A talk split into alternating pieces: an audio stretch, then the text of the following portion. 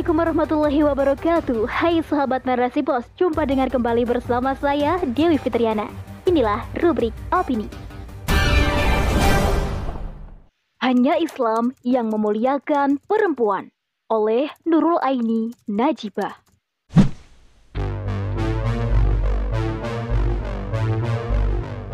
Kejahatan terhadap perempuan menjadi ancaman menakutkan tak hanya bagi perempuan itu sendiri tetapi juga bagi semua masyarakat.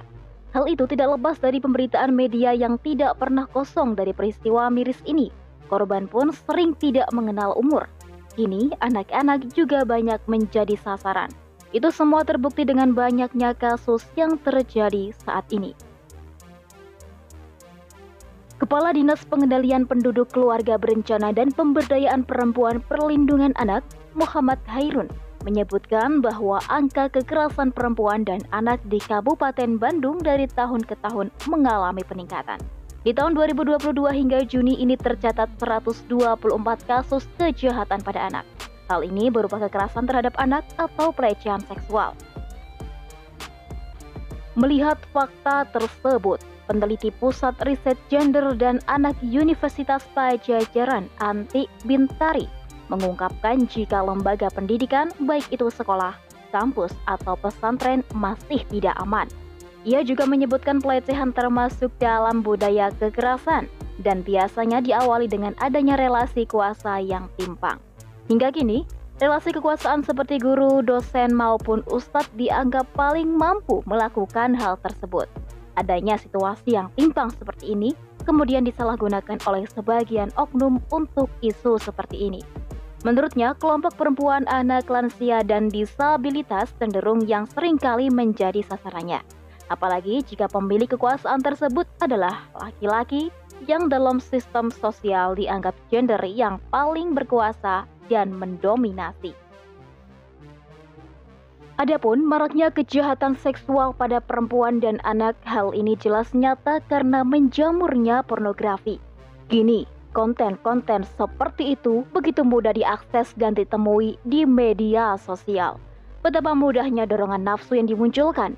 Bisa dibayangkan apa yang dilakukan oleh orang-orang yang tidak memiliki tempat pelampiasan yang sah atau istri saat hasratnya itu tak terbendung.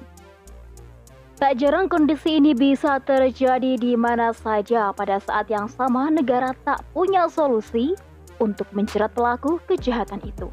Jikapun dijatuhi sanksi efeknya tak membuat jerah atau takut, justru semakin mempertegas bahwa produk hukum yang dilahirkan benar-benar tidak memberikan harapan keadilan bagi kaum perempuan. Di sisi lain, pemandangan memilukan ini juga berasal dari perempuan itu sendiri. Gaya hidup liberal telah menyeret mereka untuk berpenampilan mengundang hasrat seksual lawan jenis. Tak hanya aurat, gaya seksualitasnya pun dapat memunculkan hasrat berbahaya tersebut. Selain itu, kecanggihan teknologi juga memberi andil yang tidak sedikit. Dalam sistem kapitalisme liberalisme, hal ini telah dimanfaatkan secara mudah oleh pelaku kejahatan untuk memuluskan target-target kejahatannya. Mereka bisa menggunakan media sosial seperti Facebook atau lainnya untuk mencari target. Kesadaran terhadap nasib buruk perempuan dalam sistem kapitalisme ini sebenarnya telah dimiliki oleh mayoritas kaum perempuan sendiri Bahkan ketertindasan itulah yang menggelorakan semangat untuk bangkit dan bergerak memperjuangkan hak-haknya. Namun perjuangan itu sering bermuara pada upaya membebaskan diri dari belenggu apa pun. Apalagi dalam ranah perjuangan kebebasan, agama dipandang sebagai sebuah pengikat tersendiri. Akan tetapi, alih-alih membebaskan perempuan dari jerat kapitalisme, kenyataannya persoalan ini adalah malah kian bertambah perjuangan kesetaraan semakin menjauhkan fitrah perempuan sebagai manusia yang selayaknya dimuliakan. Melihat permasalahan yang dihadapi perempuan dan anak sebenarnya tidak bisa dilepaskan dari penerapan sistem kapitalisme yang berlaku di negeri ini. Ideologi yang telah melahirkan banyak kekacauan dalam berbagai sisi kehidupan. Sistem ini telah terbukti menjadi penyebab tragisnya nasib mereka. Berbagai permasalahan terus berulang terhadap perempuan tanpa adanya solusi yang tepat. Terlebih solusi yang dilakukan tidak jelas dan sistematis. Dari sekian fakta miris dan syarat ketidakadilan, Islamlah solusi hakiki. Islam sebagai ideologi memiliki seperangkat aturan hidup yang berasal dari Allah Subhanahu wa taala. Dari mulai akidah, ibadah, sistem sosial, ekonomi, politik, dan hukum, Islamlah solusi yang andal. Adapun yang berkaitan dengan perempuan, Islam mempunyai perhatian khusus agar kehormatan serta kemuliaannya terjaga. Di antaranya, dengan mencegah kejahatan pada perempuan dan anak, yaitu pertama, menjaga suasana ketakwaan di tingkat individu, keluarga, dan masyarakat melalui sistem pendidikan yang berlandaskan akidah Islam. Hal ini dapat menjadi benteng bagi pelaku kejahatan agar takut melampiaskan niat jahatnya.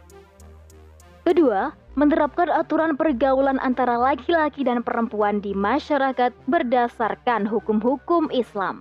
Aturan ini di samping bertujuan untuk mencegah kemunculan nafsu seksual, juga mengelola agar gejolak tersebut tidak muncul. Ketiga, menyediakan lapangan pekerjaan yang luas agar para kepala keluarga dapat bekerja dan memberi nafkah untuk keluarganya. Langkah ini akan meminimalisasi kejahatan yang menyasar kaum perempuan. Para ibu tak perlu bekerja, sehingga bisa benar-benar menjalankan tugas utamanya, yakni mendidik, memantau, dan menjaga anak-anaknya. Keempat, memelihara anak-anak terlantar seperti anak jalanan yang rentan menjadi korban kejahatan seksual. Negara memiliki kekuatan untuk memaksa orang yang wajib mengasuh anak jika mampu. Bila tidak mampu, negara mencarikan pengasuh yang mau bertanggung jawab atau mereka menampung dan mendidik dalam rumah-rumah khusus anak terlantar. Kelima, mengatur mekanisme peredaran informasi di tengah masyarakat. Keenam, menerapkan sanksi tegas terhadap para penganiaya dan pelaku kekerasan seksual seperti pemerkosa, pedofil, atau LGBT. Hal ini berdasarkan sabda Rasulullah Shallallahu Alaihi Wasallam yang artinya, siapa saja yang menjumpai suatu kaum Lut, maka bunuhlah pelaku dan temannya. Hadis riwayat Abu Dawud.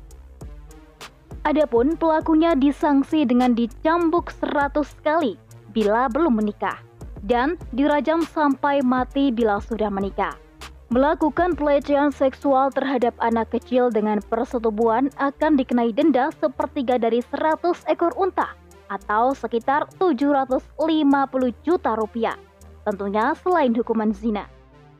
Kemudian yang ketujuh, merehabilitasi anak-anak korban kejahatan seksual. Mereka ditangani secara khusus untuk menghilangkan trauma dan menjauhkan mereka dari kemungkinan menjadi pelaku baru nantinya. Oleh karena itu, cara untuk menghilangkan penderitaan perempuan hanya bisa dengan menghilangkan penyebab penderitaan tersebut. Artinya, kapitalisme yang menjadi biang keladi dari semua keterpurukan kaum perempuan, bahkan seluruh manusia, harus segera dibuang jauh-jauh dari kancah kehidupan. Satu-satunya sistem yang layak menggantikan sistem yang rusak ini adalah sistem Islam.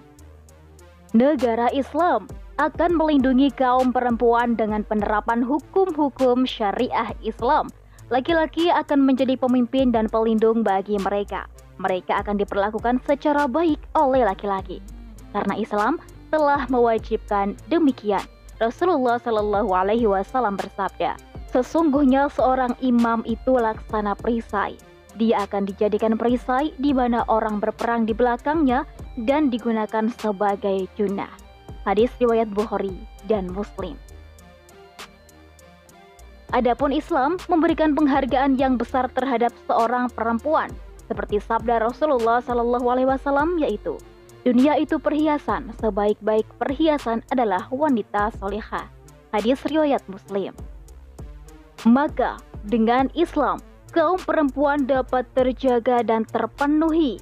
Hanya keyakinan akan kebenaran hukum-hukum Allah, mengikuti jalan perjuangan yang telah diteladankan oleh Rasulullah, dan keyakinan akan kepastian janji Allah yang akan menuntun umat ini untuk melangkah pasti menyongsong masa depan yang cemerlang. Wallahu alam bisawab. Bagaimana sobat? Makin greget setelah dengar opini kali ini?